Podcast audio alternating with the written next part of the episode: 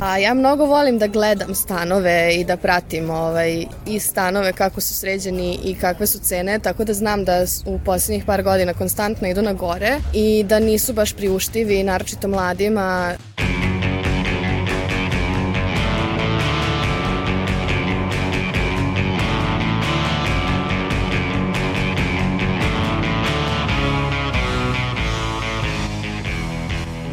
Zdravo, slušajte podcast Reagu i nezavisnog društva novinara Vojvodine. Moje ime je Iva Gajić, a na ovoj emisiji radili su Sanja Đorđević, Irena Čučković, Sanja Kosović i Nemanja Stevanović. Na početku ove 68. epizode čuli ste jedan od odgovora iz ankete i pretpostavljamo da već znate o čemu ćemo u ovom izdanju podcasta Reagu i pričati. Tako je, Govorit ćemo o stanovanju, tačnije o ceni stanovanja u velikim gradovima u Srbiji, kao i o utjecaju pandemije na promene tih cena. Za početak zanimalo nas je šta mladi misle o ovoj temi. Pitali smo baš njih na ulicama Beograda i Novog Sada da li planiraju da kupe stan u bliskoj budućnosti, kao i šta misle o cenama stanova za iznajmljivanje. Kako kažu, za jeftin i dobar stan potrebna je sreća. Ne iznajmljujem stan, živim u studentskom domu i to mi je kao studentkinji za sad još uvek najbolja moguća opcija što se tiče uh, financija ali voljela bih u jednom momentu da imam svoj stan u kom ću da živim sa mačkom. Momentalno ne, živim kod svojih, a što se tiče kupovine, pa mislim da neće baš previše skoro, bar ne do kraja faksa. Živim u iznamljenom stanu već 8 godina na istoj lokaciji, a planiram da uzmem stan, a, neki plan je prvo moje zaposlenje za stalno, planiram zapravo da uzmem kredit i uzmem svoj stan i negde to mislim da mogu da priuštim i to radim samo zato što ostali članovi moje porodice imaju stalno zaposlenje i za ne daj Bože ukoliko bi se desilo da iz nekog razloga ja to ne mogu finansijski da ovaj, sve iznesem, znam da imam neko ko može da mi uskoči, ali da, radujem se tome, dosta mi je ovaj postanarskog života. E, živim u iznajmljenom stanu, velika mi je želja da kupim stan, ali trenutno nemam sredstava i ne znam kako da dođem do tih sredstava za stan. Pa trenutno ne znam da li želim da kupim stan, uh, jer to zavisi od posla na kojem budem, zavisi da li sam zadovoljan platom ili ne, i zavisi od toga da li želim da idem u inostranstvo ili želim da ostanem u Srbiji. Sa cimerima je mnogo lakše tražiti stan, u smislu što neki manji stanovi zaista su na ceni u Beogradu. Mora baš na nekoj periferiji grada da se nađe neki manji stan, stan za neku cenu koja je odgovarajuća za, za taj, taj stan. Cene stvarno nisu normalne u odnosu na kvadraturu stanova i, i opremljenost stanova. A ja mnogo volim da gledam stanove i da pratim ovaj, i stanove kako su sređeni i kakve su cene, tako da znam da u poslednjih par godina konstantno idu na gore i da nisu baš priuštivi, naročito mladima e, i naročito onima koji žele da žive sami, jer su uglavnom garsonjere negde skuplje i negde živeti sam je luksuz u odnosu na deliti sa cimerom ili cimerkom i tako dalje. Povećale su se, ja mislim, mislim nije mislim, nego ono što sam gledala i cene iznajmljivanja i cene stanova za kupovinu. Ono što je meni trenutno sreća je što živim u stanu jel, u kom sam 8 godine, pa mi se cena, cena nije menjala i mislim da je sad strašno tražiti iznajmlje stan. Što se tiče kupovine i tu su cene dosta skočile. Ono što sam ja gledala da negde za stan od nekih 50-60 kvadrata treba oko 90.000 evra, što je zaista mnogo i uz to učešće banke. Jako su velike cene stanova i svake godine idu, idu na gore što je katastrofa. Trenutno cene u Beogradu, nešto što sam vidio u skorije vreme su u porastu. Ja sam imao tu sreću da sam prošle godine negde u maju tražio stan, tako da ono, zbog cele situacije sa covidom i ljudi su napuštali masovno stanove, imali smo sreću da je ono, ta gazdarica spustila cenu stana, tako da i nismo loše prošli. Čuli smo šta kažu mladi, a koleginica Sanja Đorđević pripremila je statistiku koja se tiče kupo-prodaje stanova tokom poslednjih nekoliko meseci. Samo tokom jula ove godine zaključeno je oko 13.000 ugovora o kupoprodaji nekretnina u Srbiji. Ovo predstavlja rast od 6% u odnosu na isti mesec prošle godine i rast od 22% u odnosu na jul predprošle godine, navodi se u Republičkom geodetskom zavodu. Najviše nepokretnosti kupljeno je u Vojvodini oko 4300, dok je skoro duplo manje kupljeno na jugu i istoku zemlje. U izveštaju koji se bavi prvim polugodištem tržišta nepokretnosti nepokretnosti, navodi se da je četvrtina od ukupne kupoprodaje nekretnina bila u prestonici i da se najviše trguje u razvijenim opštinama. Ono što je interesantno za temu o kojoj govorimo jeste i što je, odnosno na prvu polovinu prošle godine, trgovina nekretnina porasla za 60% u toku ove godine. Što se tiče zemljišta, više od polovine predmeta trgovine bilo je građevinsko zemljište. Najviše zemlje za koju je planirana gradnja kupovano je u Novom Sadu. 24% objekata sa kojima se trgovalo bilo je stambenog tipa, od kojih je 93% kuća. Najviše kuća kupljeno je u Subotici, Novom Sadu i Zrenjaninu. Porasao je broj kupljenih vikendica, naročito u drugoj polovini prošle godine, a najviše vikendica kupljeno je opet u Vojvodini. Iako je trgovina nekretnina u prvoj polovini prošle godine malte ne stagnirala, broj kupljenih vikendica u Vojvodini je čak i tada rastao. Najviše stanova kupljeno je u Beogradu i oko 40% ukupne trgovine stanova obavilo se upravo u ovom gradu. Novi Sad nalazi se odmah iza, Niš i Kragujevac, iako takođe veliki gradovi, slabo se pominju u ovom izveštaju. Interesantno je da se najviše trguje u evrima. Skoro sva trgovina poslovnim objektima, skoro 90% ostalih objekata plaćeno je u evrima. Oko 70% trgovine zemljištem takođe je plaćeno ovom devizom. Ostale devize, osim dinara, korišćene su ispod nivoa statističke greške, navodi se u polugodišnjem izveštaju o stanju na tržištu nepokretnosti Republičkog geodetskog zavoda. Kako je situacija kada su u pitanju izmene cene na lokalu, pokazuje tekst portala Maglučistač i Subotice objavljen 13. septembra ove godine. Prosečna cena kvadrata u novogradnji u Subotici je 2018. iznosila gotovo 750 evra, a u prvom polugodištu tekuće 2021. godine više od 850 evra, pokazuju podaci Republičkog geodetskog zavoda. Istovremeno, za kvadrat novogradnje je trebalo izdvojiti minimalno oko 500 evra, a oko 1100 maksimalno 2018. godine, dok se ove 2021. taj raspon kreće od oko 600 evra minimalno do oko 1200 evra maksimalno po metru kvadratnom novogradnje. Takav skok cena ne utiče, međutim, na potražnju za novim stanovima. Samo tokom prvih šest meseci ove godine zaključeno je preko 250 ugovora o kupovini stana od investitora, dok je, na primer, čitave 2018. takvih transakcija bilo duplo manje, oko 150, navodi subotički magločistač. Koleginica Sanja Kosović pokušala je da nađe odgovore od posrednika u kupoprodaji i iznemljivanju nekretnina. Sanja, s kim si razgovarala i šta kaže? Vojislav Ristić iz Agencije za nekretnine City Expert kaže da su u njegovoj kompaniji radili analizu promene cena nekretnina, te da su zaključili da je cena po kvadratu u Novom Sadu porasla čak do 300 evra. On objašnjava zašto je tako. Za poslednjih godinu dana cena ovaj, nekretnine po kvadratu u proseku u Novom Sadu porasla čak do 300 eura po kvadratu. E, to je stvar tržišta, znači ukoliko imate potražnju, logično je da će cene rasti jer ponuda ne može da zadovolji tržište. Tako da je ovo logičan sled sad, dok god tržište bude zahtevalo i dok god ove, ovaj, ljudi budu, što kaže, kupovali po tim cenama, mi ćemo i dalje imati ovaj rast cena, to je jasno. Vojislav Ristić smatra da pandemija jeste uticala na promenu cene nekretnina, posebno kada se poredi 2021. godina u odnosu na godinu pre pandemije. Mislim da pandemija jeste uticala na cene nekretnina, čini se da, da je tržište tako da su cene ovaj, porasle ne samo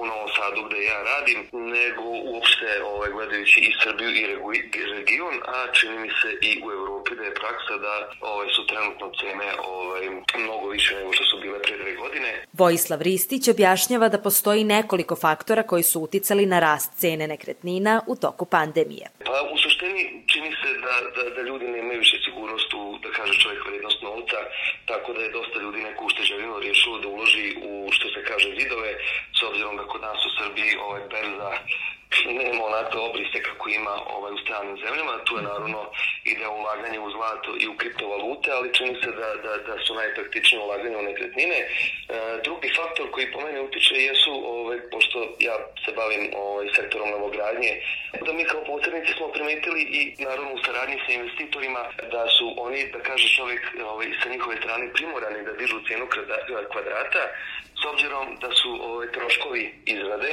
i zidanja zgrada otišli, tako da se tu ovaj, dva faktora cena materijala, koji su prvenstveno, kažem, uvozni, utiču na cijenu kvadrata, a isto tako i cena radne snage koja je ovaj, puno više nego što je bila ranije. Kažem, novogradnja, a automatski i ovaj, prodaja nekretnina sekundarnih, odnosno starije gradnje, praktično prati ove cene novogradnje. Ristić kaže da iako postoje značajne promene u cenama nekretnina, što se tiče najma stanova, ne postoje prevelike promene. Cena najma stanova praktično prati, da kažem, sezonski i svake godine tu smo ovaj, svedoci toga da recimo i jeseni vremenski period, recimo septembar, oktobar sada, je veća potražnja za najmom stanova upravo zbog toga što i studenti dolaze u veće gradove poput Novog Sada, O, ovaj, tako da u suštini tu je, da kažem, neki možda bitniji moment, taj a, kalendarski datum i što kaže, a nisam mm, ovako svedok toga da je, da je nešto puno, ovaj, da su nešto puno ovaj, skuplji najmovi stanova u odnosu na, na period pre pandemije. Mislim da se tu nije toliko odrazilo na te promene cena,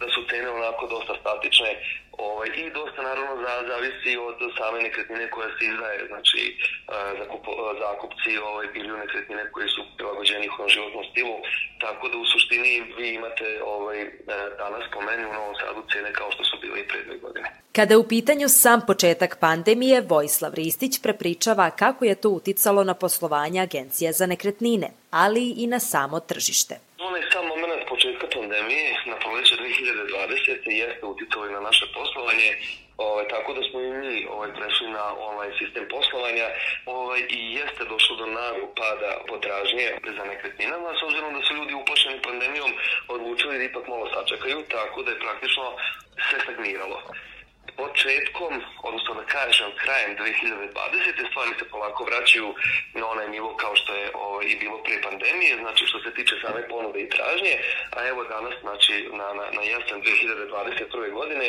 mi praktično imamo onako tržište kao i pre pandemije s obzirom ovaj, da, da, da se stvari, jel da kaže, vraćaju u, u onaj e, ciklus kakvi su bili pre pandemije, a i ovaj, jedino što kažem, razlika je ta cena nekretnina u odnosu na, na period od dve godine. Tako da kažem, bio je, da kaže čovjek, ovaj, zatišen na tržištu tih prvih nekih pola godine, ovaj, možda čak i do jesene 2020. A evo danas, kaže, imamo tržište kao i pre pandemije. Ristić dalje objašnjava koliko sve veći broj stambenih prostora koji se grade na lokalu utiču na rast cena. Mislim, svedoci smo da dosta se zaista gradi u Novom Sadu i, i dosta investitora, ovaj, da kažem, sada postiraju i po dva, tri stambena objekta i iako je ranije recimo bio slučaj da grade jednu, ovaj, jednu zgradu pa onda sačekaju grade drugu, upravo nam je to dokaz da zaista ima potražnje zato što si oni odlučuju za dva, tri projekta istovremeno i verujte da je dosta toga što kaže od momenta građevinske dozvole kada se mi kao ovaj, kompanija koja je posrednik u, u, u, ovaj, posrednik u prometu nepokretnosti u izgradnju uključujemo, znači od momenta građevinske dozvole vi ste svedoci da o, je dosta toga što kaže već prodato, s obzirom da ovaj, od momenta građevinske dozvole mi možemo da popisujemo i overavamo predugovore kod notara, što je onako jedan dodatni ovaj, pravna sigurnost za kupce. Tako da ovaj, ono što se kaže najefektivnije kvadrature, a tu su manji stanovi, jednoiposobni stanovi recimo do 40 kvadrata, pa i manji dvosobni stanovi oko 45 kvadrata, oni su većinom i prodaju u toj prvoj fazi, što kaže do momenta tehničkog prijema zgrade, kada kažemo da je zgrada završena i već useljiva, tada vi praktično imate situaciju da su po projektu ostala možda 4 i 5 nekih većih stanova. Tokom pandemije često se oslanjamo na struku. Irena, sa kim si razgovarala i šta kaže? Jovana Timotijević, arhitektica i članica tima Ministarstva prostora, objašnjava da se promena cena nekretnina nije desila samo tokom pandemije. Pre bismo mogli reći da pandemija nije uspela da zaustavi višegodišnji rast cena stanovanja, koji je globalni trend i nije specifičan samo za Beograd ili za Srbiju. Ona objašnjava da pored rasta cena stanovanja imamo i rast profitne stanogradnje. Mainstream ekonomija tretira ovaj porast e, kroz odnos ponude i potražnje, tvrdeći da se uz povećanje ponude i usaglašavanje jel, sa tom potražnjom, da, da, da će cene vremenom da se stabilizuju. I baš pre neki dan e, je, čini mi se za N1, e, gospodin Mešanović iz, iz agencije CBRE, ove, on je baš, čini mi se, iz te perspektive ove, analizirao isto ovo stanje, dakle, e, ogromnih cena stanova i rekao je da između ostalog rešenja vidi u tome da se godišnje izgradi duplo više stanova u Srbiji dakle, nego što se sada trenutno gradi. Međutim, nama se čini da ta logika zapravo ne pokazuje rezultate. Ako pogledamo brojne gradove širom sveta, kao što sam rekla, jeste globalni trend, Dakle, bez obzira na ono što se dešava jeste da bez obzira na to koliko se gradi, a na drugim, u drugim gradovima se gradi mnogo intenzivnije nego u Beogradu ili u Srbiji, cene stanova i dalje rastu. I čini mi se da zbog toga problem rasta cena na tržištu nekretnina zapravo moramo da pokušamo da razumemo na, na drugačiji način, jel? kako bismo preko, prepoznali šta su zapravo ti strukturni faktori iza toga. Sagovornica podcasta Reaguje objašnjava da cene stanova nisu porasle kao direktna posledica porasta potražnje za stambenim prostorom, već je porasla količina novca koji se ulaže u stanovanje. Možda zvuči komplikovano, sad ću pokušati da pojednostavim. Dakle, zapravo ono što se dešava je da logika koja upravlja cenama stanova je potpuno odvojena od realne potražnje za stambenim prostorom kao domom. Dakle, rast cena stanova ne vodi rešavanju te potražnje e, e, za stanovima, već, rešavanje, e, već rešava potražnje za investiranje. I u tom smislu kada, kada gledamo, dakle, kada se zapitamo za koga se zapravo grade ovi, ovi silni stanovi, dakle, oni se grade za one koji ulažu kao investitori u stanove ili štede kroz nekretnine. Dakle, to je primarna grupa koja zapravo ima korist od ovolike stanogradnje. Dakle, stan više apsolutno nije primarno upotrebna vrednost, jel? već se kupuje zbog vrednosti koju očekujemo da će stalno rasti i u toj razlici ćemo profitirati. Ali dakle, to je, to je rezervisano samo za one koji zapravo imaju kapital da ulažu u to tržište nekretnina. A oni koji e, bi stan kupovali dakle, radi zadovoljavanja sobstvene stambene potrebe, oni su E, zapravo sve više e, sklonjeni dakle, sa tog tržišta jer prosto ne mogu da učestvuju u njemu. Arhitektica i novinarka portala Mašina Iskra Krstić za podcast Reaguj navodi da je to pokazatelj da se stanovi grade zbog čuvanja kapitala, a ne zbog realne potrebe da se usele mladi koji još uvek žive u više generacijskim domaćinstvima. Mi imamo dosta uh, jake pokazatelje da toga da cene rastu zbog toga što se u nekretnine parkira kapital i zbog toga što se putem nekretnina vrši pranje novca. Znači, onako idealno tipski, cene bi trebalo da na nekom tržištu rastu onda kada je potražnja za tom robom velika, je tako? To, to je ono neka priča iz, iz osnovne škole. Uh, I kod nas neosporno vlada velika nestašica stanova. Znači ona je u urbanim sredinama bila prisutna tokom celog 20. veka, malo je olakšana 60-ih, 70-ih godina, pa je onda krajem 70-ih opet počelo da se pogoršava.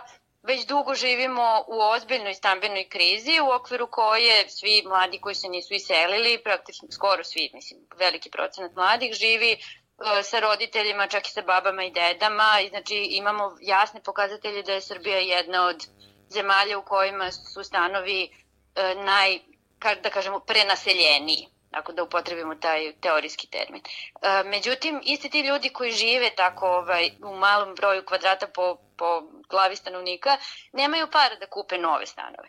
Iskra Krstić smatra da je moguće da je posredi pranje novca i ističe da nije broj stanova koji se izdaje pokazatelj da su građani u većoj finansijskoj moći. U tom smislu je dosta očigledno, tako i da kažemo zdravorazumski, da uh, u da se u nekretnine na neki način ulaže sa strane, znači da rast cena nekretnina nije pokazatelj toga da je samo stanovništvo ovaj, iz potrebe ovaj, za rešavanjem stambenog uh, pitanja počelo da ulaže u stanove više, nego da se ovaj, prosto u nekretnine sliva nek, neki drugi novac. E, od prilike pre nekoliko meseci u javnosti bila jako popularna jedna studija globalne inicijative protiv transnacionalnog organizovanog kriminala, u kojoj se ova tema elaborira i u kojoj se pokazuje na, na osnovu jasnih ovih njihovih podataka da je čitav region Zapadnog Balkana uh, dosta podložan pranju novca ulaganjem u nekretnine. Međutim, ovaj, ovo uopšte nije prva studija i prva analiza, niti su to prvi stručnjaci koji su na tako nešto ovaj, upozorili, mi imamo niz i domaćih stručnjaka koji su dugo upozoravali na ovu pojavu, a imamo čak i, meni se čini iz 2018. nacionalnu procenu rizika od pranja novca koju je usvojila vlada Srbije koja pokazuje istu stvar.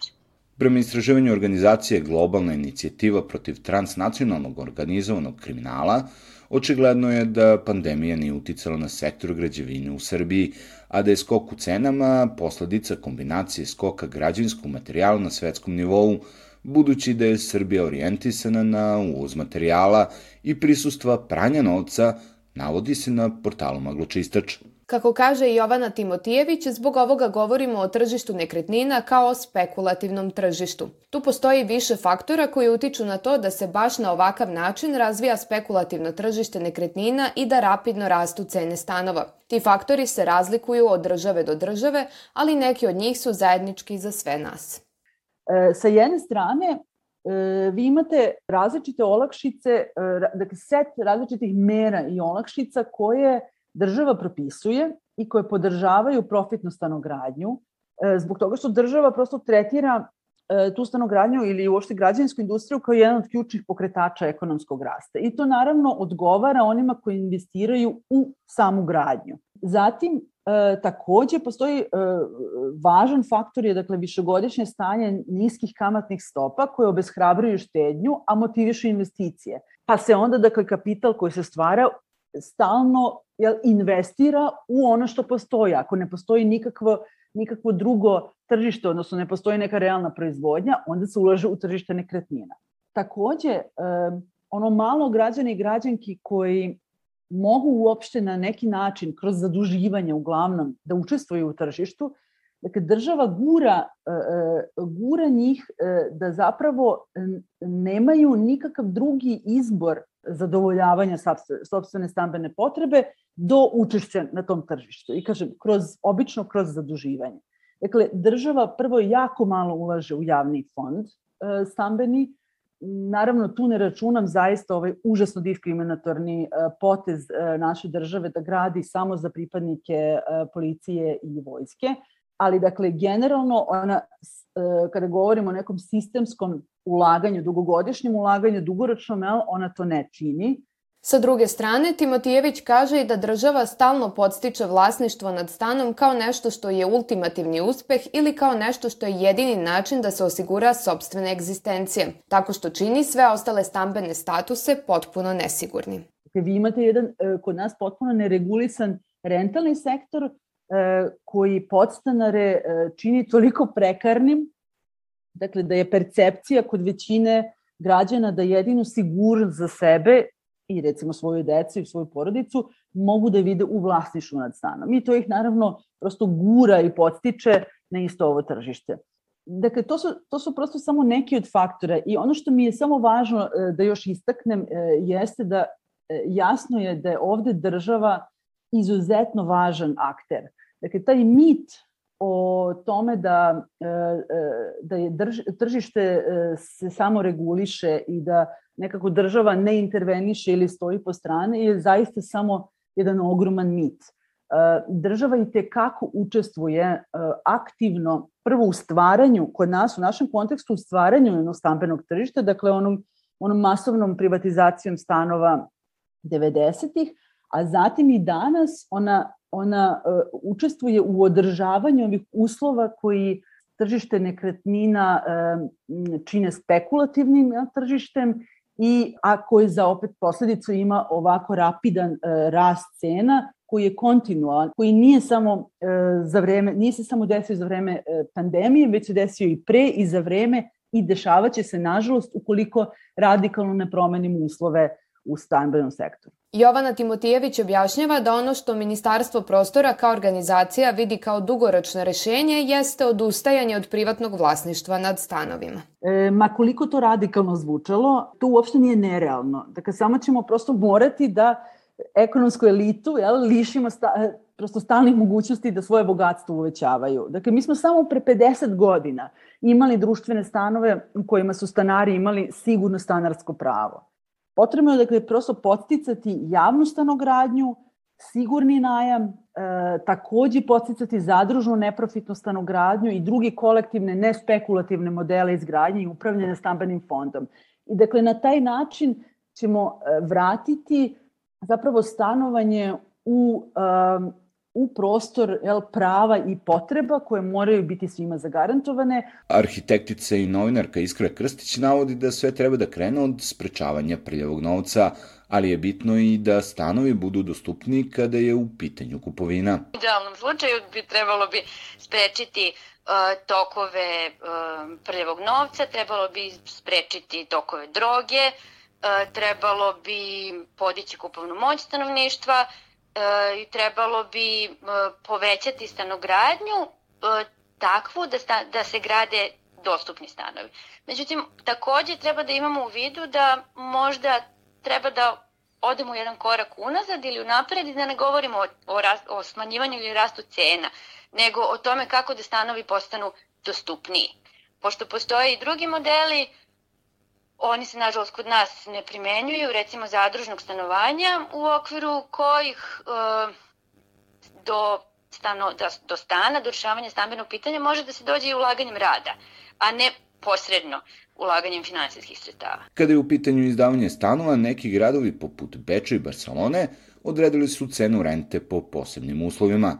Sagornica podcasta Reagu i Iskra Krstić navodi da bi kontrola rente mogla da se izvrši ukoliko, kao što predlažu iz Ministarstva prostora, stanovi ne budu u privatnom vlasništvu. Kontrola rente se najlakše vrši ako, je, ako su stanovi e, čija renta se kontroliše u javnom vlasništvu. E, to je znači ono što je primenjeno u Beču, ono što je manje primenjeno u Barceloni, ono što e, sada u Berlinu hoće da izglasaju glasajući krajem septembra na referendumu o nacionalizaciji stanovanja velikih rentijerskih kompanija.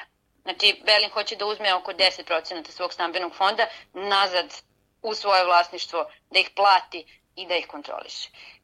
Ali sa druge strane, ono čemu bismo mi morali da se nadamo je jedna E, promena ekonomskog modela širih razmera, budući da su sva tržišta povezana. Znači mi bismo morali da se nadamo nekakvom uvođenju između ostalog, znači ne samo zaustavljanju ovog e, tokova prljavog novca, nego i progresivnom oporezivanju i uvođenju mnogo e, jačih mehanizama kontrole finansijskih, finansijskih aktera, transnacionalnih finansijskih aktera na stambenim tržištima. Uvođenje u legalne tokove je rešenje koje Iskra Krstić predlaže kada je u pitanju regulacije cena iznajmljivanja stanova, jer veliki broj stanodavaca na crno izdaje stanove. Mi nemamo toliki pritisak kod njih neposredno, ali na neki način imamo posredno zato što igrica se tako igra. Ljudi koji, odnosno vlasnici pojedinačnih stanova koji ih izdaju recimo u, ne znam, Beogradu, Novom Sadu, Nišu, Zlatiboru, Koponiku na tim i dalje atraktivnim tržištima, njih bi verovatno moglo nekako da se, da se uvede u taj sistem, u taj sistem rente, ali mislim da treba da o, i kontrolisane rente, ali bi prvo trebalo da se uh, popišu, da se nekako nateraju, da se uvedu u legalne tokove. Mislim da bi trebalo da razmišljamo o, o većim koracima od toga. Ovim završavamo 68. epizodu podcast serijala Reagu i nezavisnog društva novinara Vojvodine, u kojoj smo govorili o cenama nekretnina i kako je moguće to tržište regulisati. Ukoliko ste skoro skupili i iznajmljivali stan, kako je vaše iskustvo? Pišite nam u Facebook grupu Podcast Reaguj ili na mail podcast.ndnv.org. I sledeća epizoda podcasta Reaguj biće posvećena stanovanju, ali na drugi način. Recite nam kakva su vaše iskustva sa održavanjem zgrada u kojima živite. Slušamo se ponovo uskoro, a do tada ne zaboravite da čekamo na vas, vaše komentare, iskustva i predloge tema. Sva pitanja i predloge možete nam slati na Twitteru, Facebooku, Instagramu i TikToku. Naš rad možete pratiti na kanalima na iTunesu, Stitcheru, Castboxu, Sounderu, Spotifyu, Google podcastima, Deezeru, kao i na sajtu podcast.rs. Ukoliko želite da nas podržite, uradite to baš šerovanjem, komentarom, deljenjem svoje priče ili preko sajta donations.ndnv.org.